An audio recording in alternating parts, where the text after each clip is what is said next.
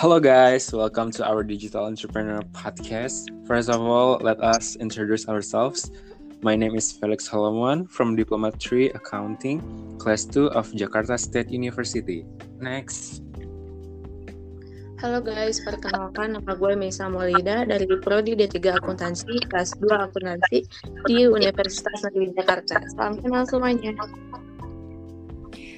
Halo teman-teman semuanya, perkenalkan nama saya Clara Fatiha dari Prodi D3 Akuntansi, kelas 2 Akuntansi, Universitas Negeri Jakarta. Salam kenal semuanya. Alright, kita telah memperkenalkan diri kita. Sekarang saatnya kita mulai pembicaraan tentang materi kita. Yaitu yang pertama dari buku The Lean Startup bab 13, yaitu Epilogue Waste Not. Dan dari buku Entrepreneurship edisi ke-10, part 4, subbab ke-12. Uh, by the way guys, have you ever made a podcast before? To be honest, this is my first podcast in my entire life. so I hope you guys enjoy my first podcast. Alright, let's get started. Oke, jadi di sini gue akan memulai dari buku The Startup yaitu adalah Grace. Dalam tersebut diceritakan bahwa manusia telah melakukan tindakan-tindakan yang boros, bahkan sia-sia guys, khususnya dalam dunia kerja. Nah, menurut kalian enak gak sih disia-siain? Gak enak kan? nah, dalam bab tersebut ditulis bahwa pemborosan dan kesia-siaan dalam dunia kerja bukan berasal dari organisasi kerja yang tidak efisien. Nah, melainkan dari mengerjakan hal yang salah dalam skala industri atau skala besar, guys. Contohnya seperti mengerjakan sesuatu dengan teknik atau cara yang tidak akurat, peralatan yang tidak sesuai dan sebagainya. Oke, selanjutnya dalam cara percaya bahwa bentuk pemborosan dalam kesia dapat dicegah setelah penyebabnya dipahami, gitu guys.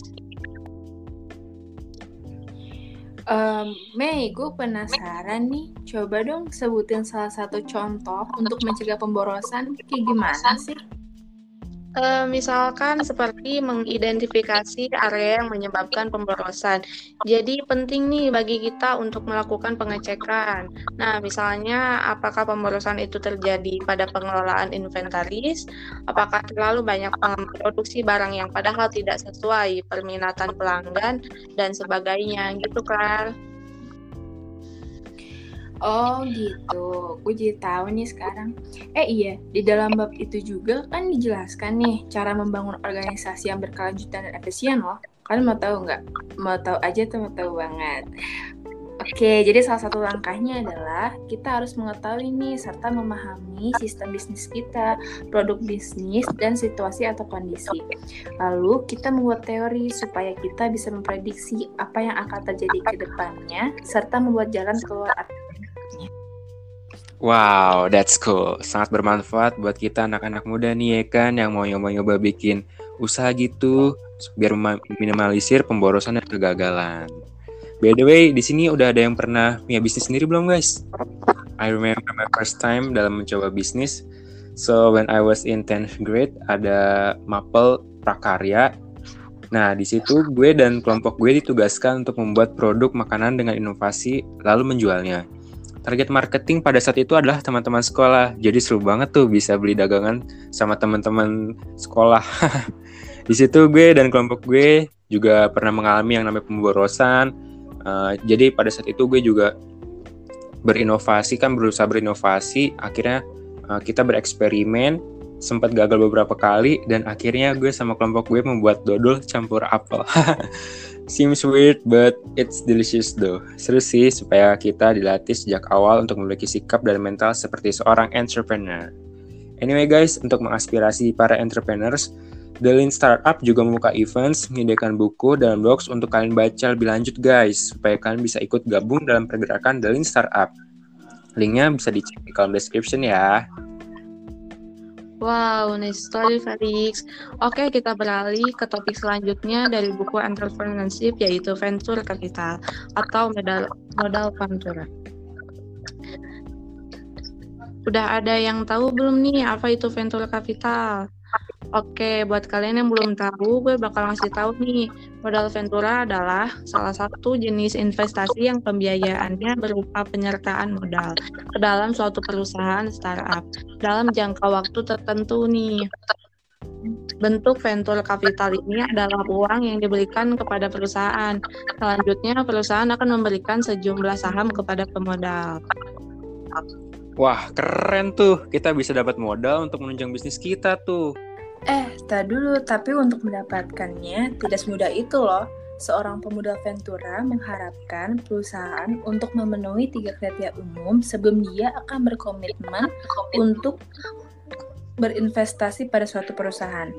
Nah, pertama, perusahaan perlu memiliki tim manajemen yang kuat, terdiri dari individu-individu dengan pengalaman dan latar belakang yang solid. Komitmen yang kuat untuk perusahaan, kemampuan dalam bidang keahlian khusus mereka, kemampuan menghadapi tantangan, dan fleksibilitas untuk berebut di mana yang diperlukan. Nah, kriteria kedua adalah produk atau peluang pasar harus unik, memiliki keunggulan diferensial atau 3 hingga 5 proporsi penjualan unik dalam pertumbuhan pasar. Mengamba mengamankan ceruk pasar yang unik sangat penting loh, karena produk atau layanan harus mampu bersaing dan tumbuh selama masa investasi. Keunikan ini perlu dijabarkan dengan cermat dalam bagian pemasaran rencana bisnis, dan bahkan lebih baik lagi jika itu dilindungi oleh hak paten atau rahasia dagang. Nah, bener, bener banget tuh, Klar. Kriteria yang terakhir adalah bahwa peluang bisnis harus memiliki nilai apresiasi modal yang signifikan. Jumlah yang tepat dari apresiasi modal itu bervariasi, tergantung pada faktor-faktor seperti ukuran kesepakatan, tahap perkembangan, potensi keuntungan, risiko penurunan, dan jalan keluar yang tersedia. Pemodal Ventura biasanya mengharapkan persentase pengembalian investasi yang signifikan di sebagian besar situasi investasi. Walah, jadi begitu. Oke, oke, gue paham sekarang. Jadi kita harus memenuhi kriteria-kriteria dari investor supaya mendapatkan modal Ventura. Oke. Selanjutnya, kita udah tahu nih cara untuk mencegah pemborosan dan kesiasaan dalam organisasi, memenuhi kriteria para investor untuk mendapatkan modal Ventura.